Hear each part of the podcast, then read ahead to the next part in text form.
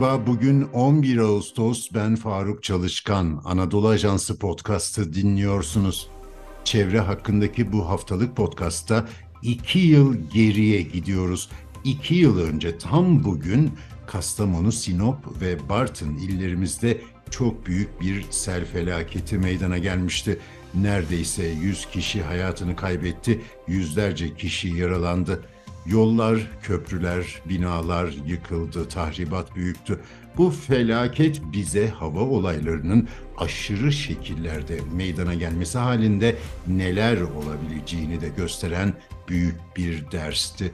10 Ağustos'la 12 Ağustos 2021 arasında söz konusu 3 ile düşen yağış miktarı o kadar yüksekti ki bazı yerlerde bir yıllık yağışın üçte ikisi geldi gökten. Kastamonu'nun Bozkurt ilçesi felaketle ilgili en çok hatırlanan manzaralara sahne oldu. Koca şehir merkezinin ortasındaki cadde çamur selinin altında kalmıştı. Eskiden de tabii ki şiddetli hava olayları meydana geliyordu ama hele son birkaç yılda hem sıklık hem de aşırılık başka düzeylerde. Çünkü bir iklim krizi içindeyiz. Peki iklim krizine şehirlerimiz nasıl uyum sağlayacak? Böyle bir şey mümkün mü?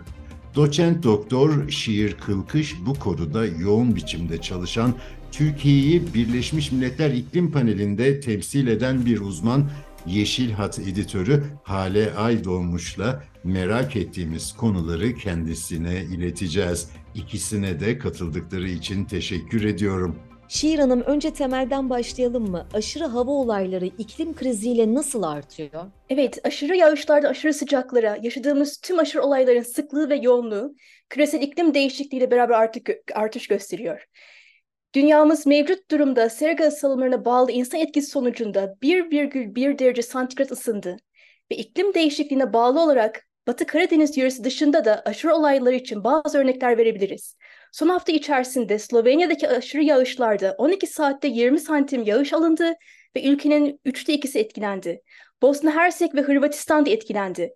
Avrupa dışındaki örnekleri Hindistan, Güney Kore ve Çin gibi örnekleriyle ayrıca çoğaltmak mümkün. Yine birçok insan sellere maruz kaldı. Kanada, Nisan ayından bu yana 5000 orman yangınıyla mücadele ediyor. 900'ü hala etkin. Toplam 290 megaton karbon veya karbondioksit olarak ifade edecek olursak 1,1 gigaton karbondioksit sadece bu nedenle atmosfere salındı. Ve Afrika'da bu yıl içerisinde yaşanan şiddetli tropik kasırga. 23 Temmuz 2023 tarihinde Nature dergisine yeni yayınlanan bir makalede de gündemimize yeni giren ve Amerika'dan Çin'e kadar oluşan ısı kürelerinin Arktik'in aşırı ısınmasından kaynaklı olduğu ortaya konuyor. Dinamik bir dünyada yaşıyoruz. Birçok karmaşık geri besleme ve eşik noktaları bulunuyor. Bunlarda önemli kritik değerler de aslında bir hedef değil, birçok açıdan fiziksel sınır olarak kabul edilen 1,5 derece santigrat küresel ısınma düzeyi ve bu düzeye istemediğimiz kadar yaklaşıyoruz. Hükümetler Arası İklim Değişikliği Paneli IPCC olarak hazırladığımız raporlarda önemli bulgular yer alıyor. İnsan etkisinin olmadığı bir iklimde 10 yılda bir görülebilen bir günlük aşırı yağış olayları ortalama 1 derece santigrat ısınmış bir dünyada yaklaşık 1,3 kez daha sık ve meydana geldiğinde %6,7 daha şiddetli yağış içerecek şekilde gerçekleşiyor. Asya'dan Avrupa'ya tüm örnekleriyle bunu yaşıyoruz. Gelecekte aşırı yağışların nasıl şekilleneceği ise farklı sonuçlar içeren iklim geleceklerine dayanıyor. Eğer iklim değişikliğini 1,5 derece santigrat ile sınırlı tuttuğumuz bir gelecekten bahsedecek olursak, bir günlük aşırı yağış olayları bir buçuk kez daha sık ve meydana geldiğinde yüzde 10,5 daha şiddetli yağış içerecek şekilde gerçekleşebilir. Ancak küresel düzeyde bir buçuk derece santigrat aşar da 2 derece santigrat küresel ısınma düzeyine doğru gidersek, aşırı yağışlar da 1,7 kez daha sık ve meydana geldiğinde %14 oranında daha şiddetli yağış içerecek şekilde gerçekleşebilir. Mevcut eğilimlerin devam etmesi sonucu ve yer küremizin iklim tepkisinde daha hassas olabileceğini dikkate aldığımızda öngörülebilecek 4 derece santigrat küresel ısınma düzeyinde aşırı yağışlar 2,7 kez daha sık ve meydana geldiğinde %30,2 daha şiddetli yağış içermesi beklenebilir. Hali hazırda şehirlerdeki yapıların su altında kaldığı ve sizin, sizlerin de belirttiği gibi oldukça önemli hasarların meydana geldiği günümüze göre bu artışların hepsi oldukça önemli ve hatta uyum sağlanmasının mümkün olmadığı sonuçlar.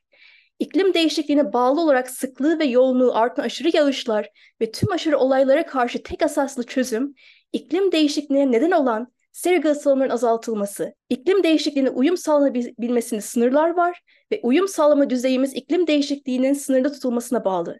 Dolayısıyla buradaki en önemli husus, uyum için dünya çapında sera gazı salımlarının azaltılabilmesi.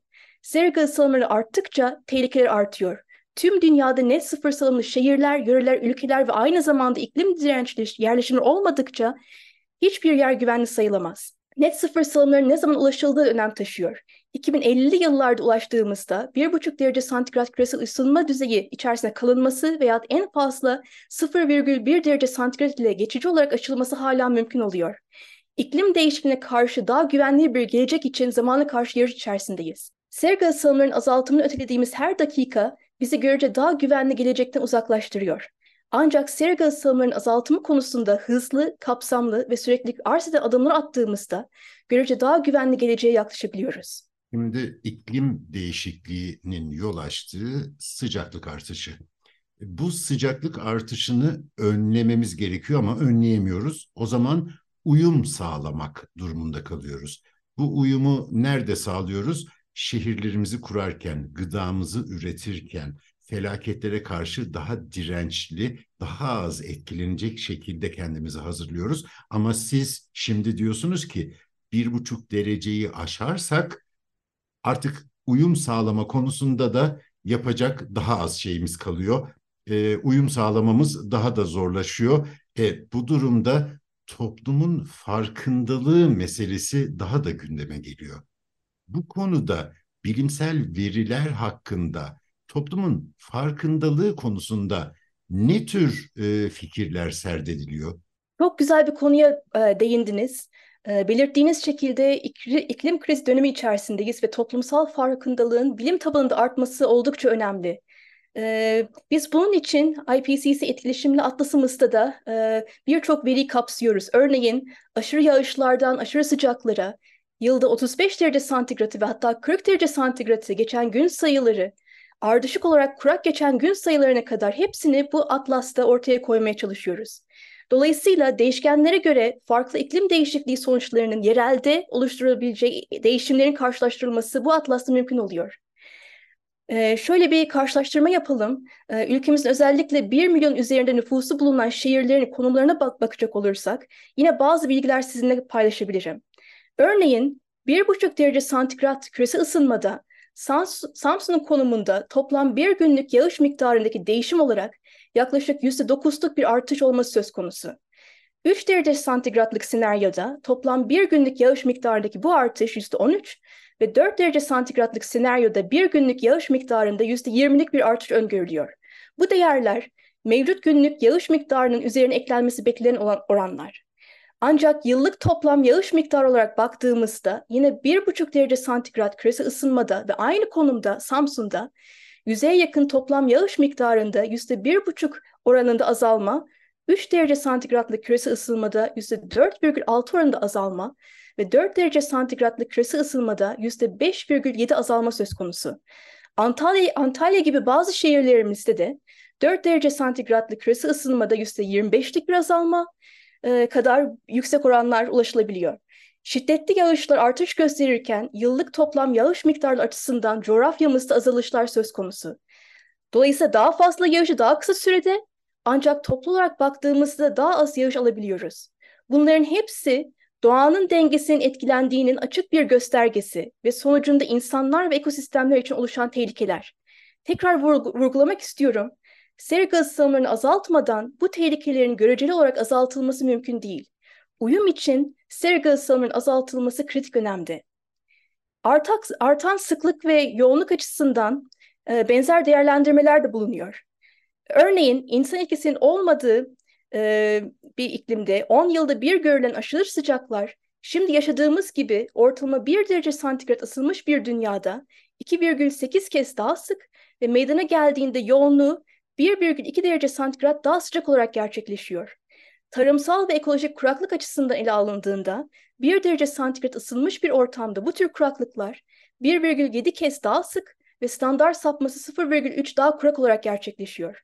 Diğer iklim değişikliği sonuçlarında yine aşırı sıcakların ve tarımsal ekolojik kuraklığın sıklığı ve yoğunluğu artış gösteriyor. Ve bunlara uyum sağlanması giderek zorlaşıyor veya hiç mümkün olmuyor. İnsanlarımızın ve kentsel altyapıların yoğunlaştığı alanlar olarak şehirlerimiz hem etkiler hem de çözümler odağında önemli yere sahip. Sünger şehirler bir çözüm imkanı ancak tek başına yeterli değil. Tam da isterseniz hocam bu noktada kentlere dönelim çünkü sorunun önemli bir parçası. E, kentlere yönelik çözümlerden bahsederken iklim krizine uyumlu şehir deyince akla gelmesi gereken en önemli özellikleri de sıralamanız mümkün müdür bir somutlaşması açısından? E, elbette sıralama açısından e, iklim dirençli kalkınmada aslında uyum için sera gazı salımının azaltılması da bulunuyor. Diğer yandan da e, sınırlı tuttuğumuz iklim değişikliğine uyum Dolayısıyla her iki açıdan çift taraflı aslında stratejilerin benimsenmesi kritik önemli. Ee, bahsettiğiniz gibi kentsel sistemler çözümün önemli bir parçası. Ee, sera gazı salımları olarak bakacak olursak, son 10 yıldaki yıllık ortalama sera gazı salımları bir önceki 10 yılın yıllık ortalamasından 9,1 gigaton karbondioksit eşdeğer daha yüksek oldu. Ve dünya çapında azaltılması gereken sera gazı salımları yükselmeye devam ediyor. Küresel ısınmanın 1,5 derece santigratla sınırlı tutulması için sera gaz salımlarında bir an önce azaltıma geçilmesi ve 2030 yılına kadar hatta %43 oranında azaltılmış olması gerekiyor ve bunun için gerekli imkanlarımız var. Kentsel sistemler, işte mevcut durumda 29 gigaton karbondioksit eş değerinde sera gazı salımlarından sorumlu. Dolayısıyla azaltılması gereken sera gazı salımlarının önemli bir kısmı kentsel sistemlerden kaynaklanıyor. Kentlerin nasıl planlandığı, daha değerli toplu veya daha yaygın olmasının enerji tüketimi ve dolayısıyla sera gazı salımlarının etkisi bulunuyor. Kentlerde kullanılan enerji kaynaklarının yenilenebilir enerji kaynaklarına dönüştürülmesi de çok önemli bir imkan. Toplu taşıma ve ısı pompalarına dayalı bölge ısıtma ve soğutma sistemleri başta olmak üzere elektrifikasyon süreci, yenilenebilir enerji kaynaklarına yönelimi en çok hızlandırabilecek seçeneklerin arasında yer alıyor. Hollanda'daki şehirler arası trenler güçlerin tamamen %100 oranında yerli olarak üretilen yenilenebilir enerji kaynaklarından, rüzgar ve güneşten alıyor. Dolayısıyla enerji verimli kentsel planlama, enerji ve malzeme tüketimlerinin değiştirilmesi, yenilenebilir enerji kaynaklarına dayalı elektrifikasyon imkanlarının arttırılması ve çoklu faydalar sağlayabilecek yeşil ve mavi altyapıların yaygınlaştırılması azaltım, uyum ve sürdürülebilir kalkınma için ortak faydalar içerebiliyor. Birçok azaltım ve uyum seçeneğinin sürdürülebilir kalkınma amaçları ile sinerji oluşturma imkanı da var. 2030 ee, yılına kadar Avrupa çapında irili ufaklı toplam 112 şehir de iklim nötr veya salımı olan olmayan şehirler yönünde ilerleme sağlıyor. Haziran sonunda yapılan yıllık değerlendirme toplantımızda gelişmeleri ele aldık. Bu şehirler iklim nötr veya doğrudan sorumlu oldukları salımları eleme ve eser miktarda geri kalan salımları da özellikle karbon yutakları veya yeşil alanları ile net sıfır düzeyini indirme hedefiyle çalışıyor. Bu hafta Enerji Dergisi'nde yayınlanacak yeni makalemde de 45 şehir için sera gazı salımları azaltımı senaryolarını ele alıyorum. Daha önce ele aldığım dünya çapındaki 120 şehirden farklı olarak bu şehirlerin arasında 2030 yılı iklim nötr hedefi olan bazı şehirler de var. Ayrıca kentsel büyümeden kaynaklı olarak kentsel alanları çevreleyen karbon yutaklarının şehirleşme ile yok olabilmesinden dolayı karbondioksit dezavantajını da analiz ediyorum. Sürü kalkım amaçları altında takip edilen arazi kullanım verimliliği değerlerini dikkate aldığımızda bu açıdan 45 şehrin karbondioksit dezavantajı 8,3 ile 15 megaton karbondioksit arasında olabiliyor. %100 yenilenebilir enerji kaynakları ve kentsel büyümeyi daha iyi arazi kullanım verimliliğiyle sınır tutan en olumlu senaryonun kümülatif veya birikimli salımları da 45 kentsel alan için 2050 yılına kadar yaklaşık 1,7 gigaton karbondioksit eşdeğeri oluyor. Bu değer diğer birikimli sonuçlardan %51 oranında daha az. Sera gazı salımlarının etkin bir şekilde hem enerji kaynakları ve hem de arazi kullanımı açısından azaltılması önemli. Ve şimdi gelelim sünger şehirlere. Evet, sera gazı salımının azaltılması sürecinde iklim dirençliğini artırabilecek bir çözüm de sünger şehirler. Etkinliği ise iklim değişikliği düzeylerine göre değişiyor. İklim değişikliğinin daha sınırlı tutulduğunda daha yararlı oluyorlar. Burada yine görüyoruz, sonsuz uyum mümkün değil, uyumun sınırları bulunuyor ölçek meselesi mühim. Yani e, şehirlerin e, aşırı hava olaylarına daha dirençli olması şehirlerin sere gazı e, salınımlarını daha e, azaltmak. Şimdi bunu bir şehirde, iki şehirde, on şehirde, yüz şehirde yapmak bir yana e, sadece şehirlerin, dünya üzerindeki bütün şehirlerin karbon salınımını azaltsak sıfırlasak bile bütün karbon emisyonları, sera gazı emisyonları şehirlerden gelmiyor. Ulaşımdan geliyor. Kitlesel kırmızı et üretiminden geliyor. Beyaz et üretiminden geliyor. Kıtalar arası deniz nakliyatından geliyor. Bir takım ilkeler var ve ekonominin yürümesi için sürdürülebilir bir şekilde yürümesi için her şeyin yeni baştan ele alınması gerekiyor. Kalkınmanın sürdürülebilir olması için daha kapsamlı, bütüncül bir bakış mümkün mü? Bütüncül yaklaşım tam olarak gerekli olan aslında yaklaşım. Çünkü bahsettiğiniz gibi bir yandan kalkınmak istiyoruz ama bir yandan da bunun sürdürülebilir olmasını temin etmek istiyoruz. E, talep taraflı seçenekler %40 ile %70 arasında bir sera gazı azaltım potansiyeli bulunuyor. Bahsettiğiniz işte tüketim esaslı bazı takım değişiklikler burada yer alıyor. Ulaşım, kentsel alanların içerisinde e, işte binaların, ulaşımın, e, arazi kullanımının hepsi aslında e, kentlerde yo yoğunlaştığı e, noktalar olarak gerçekleri temsil ediyor. Ama bahsettiğiniz gibi gerçekten entegre yaklaşımlar çok önemli. Dolayısıyla iklim değişikliğine karşı sera gazı azaltılması, sınırlı tutulan iklim değişikliğine uyum sağlanması ve azaltım uyum sinerjisi ötesinde yaşam kalitesi, iş imkanları, temiz hava ve temiz çevre dahil sürekli kalkınma yolunda ilerleme sağlanması için ortak çözümler bizim bulmamız gerekiyor ve bu imkanlar biz, biz bekliyor. Ee, daha önceki araştırmalarımda e, Sivil Enerji, Su ve Çevre Sistemleri Odağı'nda e, 120 şehrin sürdürülebilirlik düzeylerini incelemiştim. Ee, Ener enerji sistemlerinde örneğin yapılabilecek iyileştirmelerin hava kalitesi, sosyoekonomik koşullar ve su sistemlerinde de yeni enerji kaynaklarının kullanımı gibi sektörler arası bulunan imkanları vurgulama imkanım olmuştu. Yenilikçi net sıfır hedefleri kapsamında pilot yerleşim alanlarına yön veren yaklaşımlar da geliştirdim. Enerjinin kalitesi olan e, ekserjinin arz ve talep tarafında daha iyi dengelenmesiyle karbondioksit salımlarının azaltımı süreçlerini hızlandırabileceğini ortaya koydum. İklim değişikliği ve sürdürülebilirlik odaklı çalışmalarımız sonucunda azaltım, uyum ve sürdürülebilirlik odaklı imkanları ön plana çıkartacak şekilde çalışmalarını devam ediyor. Bu çalışmalarımı IPCC bünyesindeki 6. değerlendirme raporunda başlıca olarak sürdürdüm. Sistem geçişleri, arz ve talep tarafları net sıfır salımlı, iklim duyarlı, iklim dirençli ve yeşil büyüme modeline doğru çeken ve azaltım ve uyum imkanlarını etkin bir şekilde bir araya getiren kapsamlı geçişler önem taşıyan sistemlerden biri de yayınımızda vurguladığımız gibi kentsel sistemler. Konumuzun en başına dönmek istiyorum Şiir Hanım. E, malum Batı Karadeniz'deki sel felaketinin yıl dönümünde yapıyoruz e, bu sohbeti. İklimdeki aşırılıklara dayanacak kentleşme sizce nasıl olmalı? Bu konudaki çalışmalarınızı bize kısaca tarif eder misiniz? Kastamonu, Sinop ve Bartı illerimizdeki sel felaketi aslında iklim krizinin tamamen gerçek bir görünümü. Kısmen önlenebilir, kısmen uyum sağlanabilir. E, sünger şehirler e, az önce bahsettiğimiz gibi aslında nedir? Kısaca ondan bahsedelim. Doğal yüzeyleri koruyan ve artan, e, arttıran özelliklere sahip olan şehirler. E, dolayısıyla sünger şehirler yağmur suyunu emebilen, depolayabilen, temizleyen ve doğal ortamlara yavaşça aktarabilen kentsel yeşil ve mavi altyapı tabanlı çözümleri kapsıyor. Şehir içerisinde kalan ve şehri çevre, çevreleyen alanlarda doğrudan koruma altına alınan ve yapılaşmaya kapatılan taşkın yataklarını, dere yataklarını, saslıkları ve sulak alanları da içeriyor. Günümüzün şehirleri ve kentsel alanları ise su emebilen ve geçirgen yüzeyleri arttırma amacıyla planlanmıyor. Yollar ve yapılaşma nedeniyle çoğu zaman geçirgen yüzeyler asfalt ve beton ile kaplanarak sadece risk, sel riskini değil, beraberinde kentsel ısı adası etkisini ve hava kirliliğini de arttırıyor. Dolayısıyla sünger şehirlere yönelik çözümler çoklu faydalar sağlamaya açık. İklim değişikliği nedeniyle tüm dünyaya sıklığı ve yoğunluğu artan aşırı yağışlar ve seller, aşırı sıcaklar ve kuraklık gibi birbirinden farklı durumlara karşı tüm şehirlerimizde sera gazı azaltılmasına ek olarak sünger şehir yaklaşımının dahil olduğu doğal temelli çözümlerin yaygınlaştırılması büyük önem taşıyor.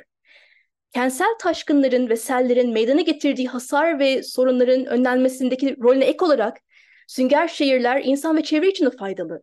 Birinci olarak kentsel alanların doğal su döngüsüne bir engel olması yerine su döngüsünün uyumlu bir parçası olmasına hizmet ediyor sünger şehirler yağmur suyunun yönetilmesi için kullanılan beton tabanlı gri altyapılara olan ihtiyacı ve suyun merkezi bir biçimde artırılması için harca enerjiyi de azaltıyor.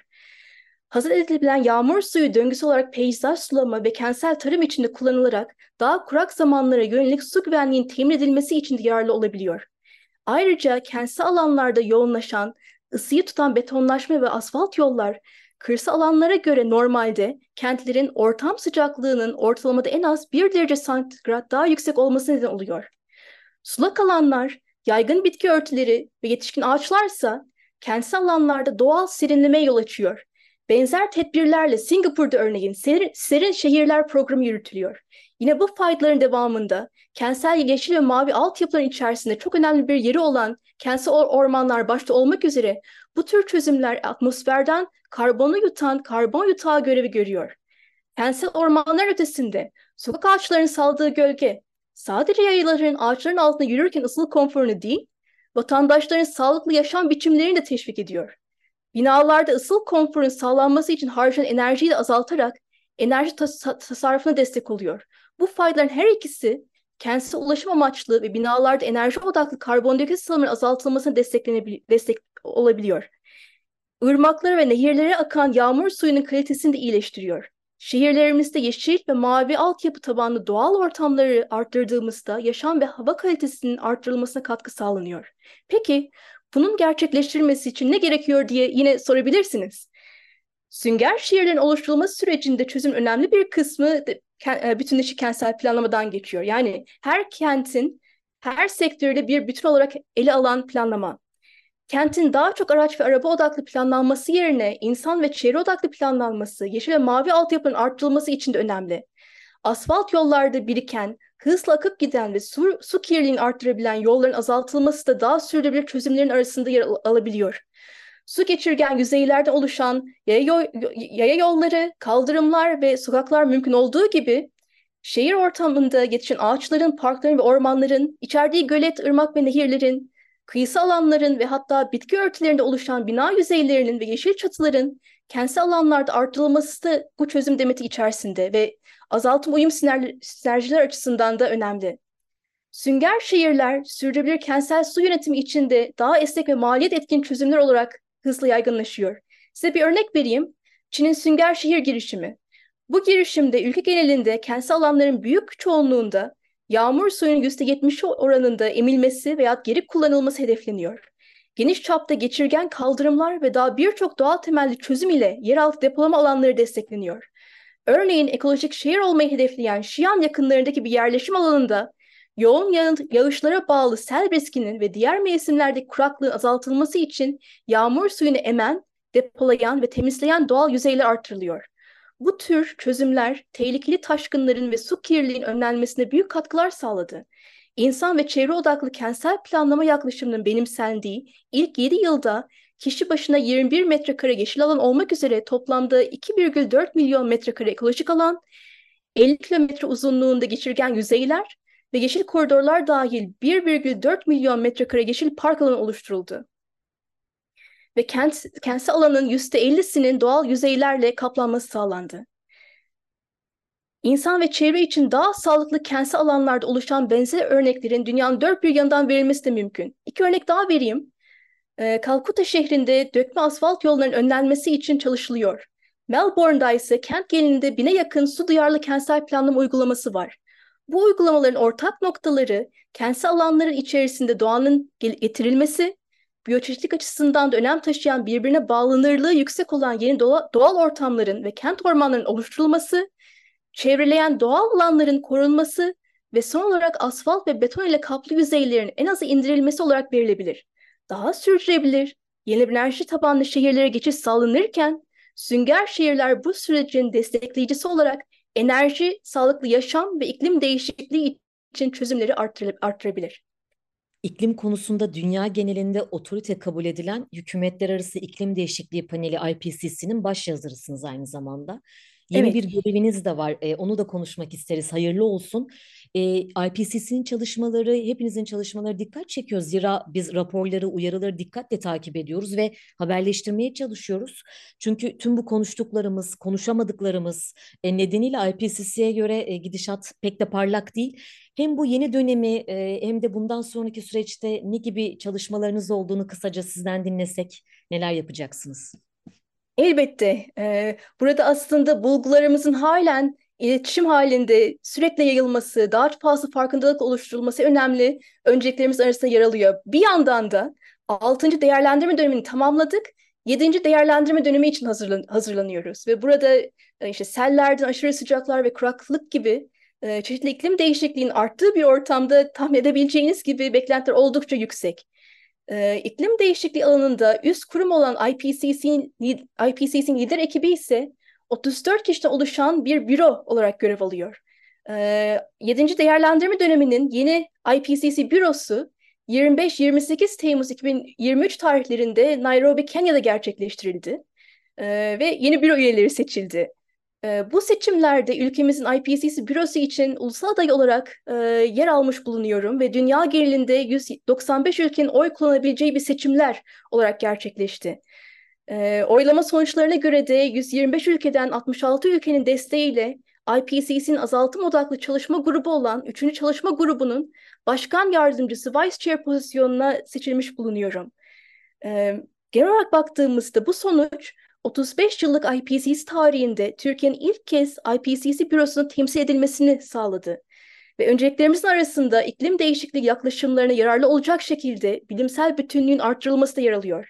En iyi bilim her zaman gelişiyor, her gün gelişiyor.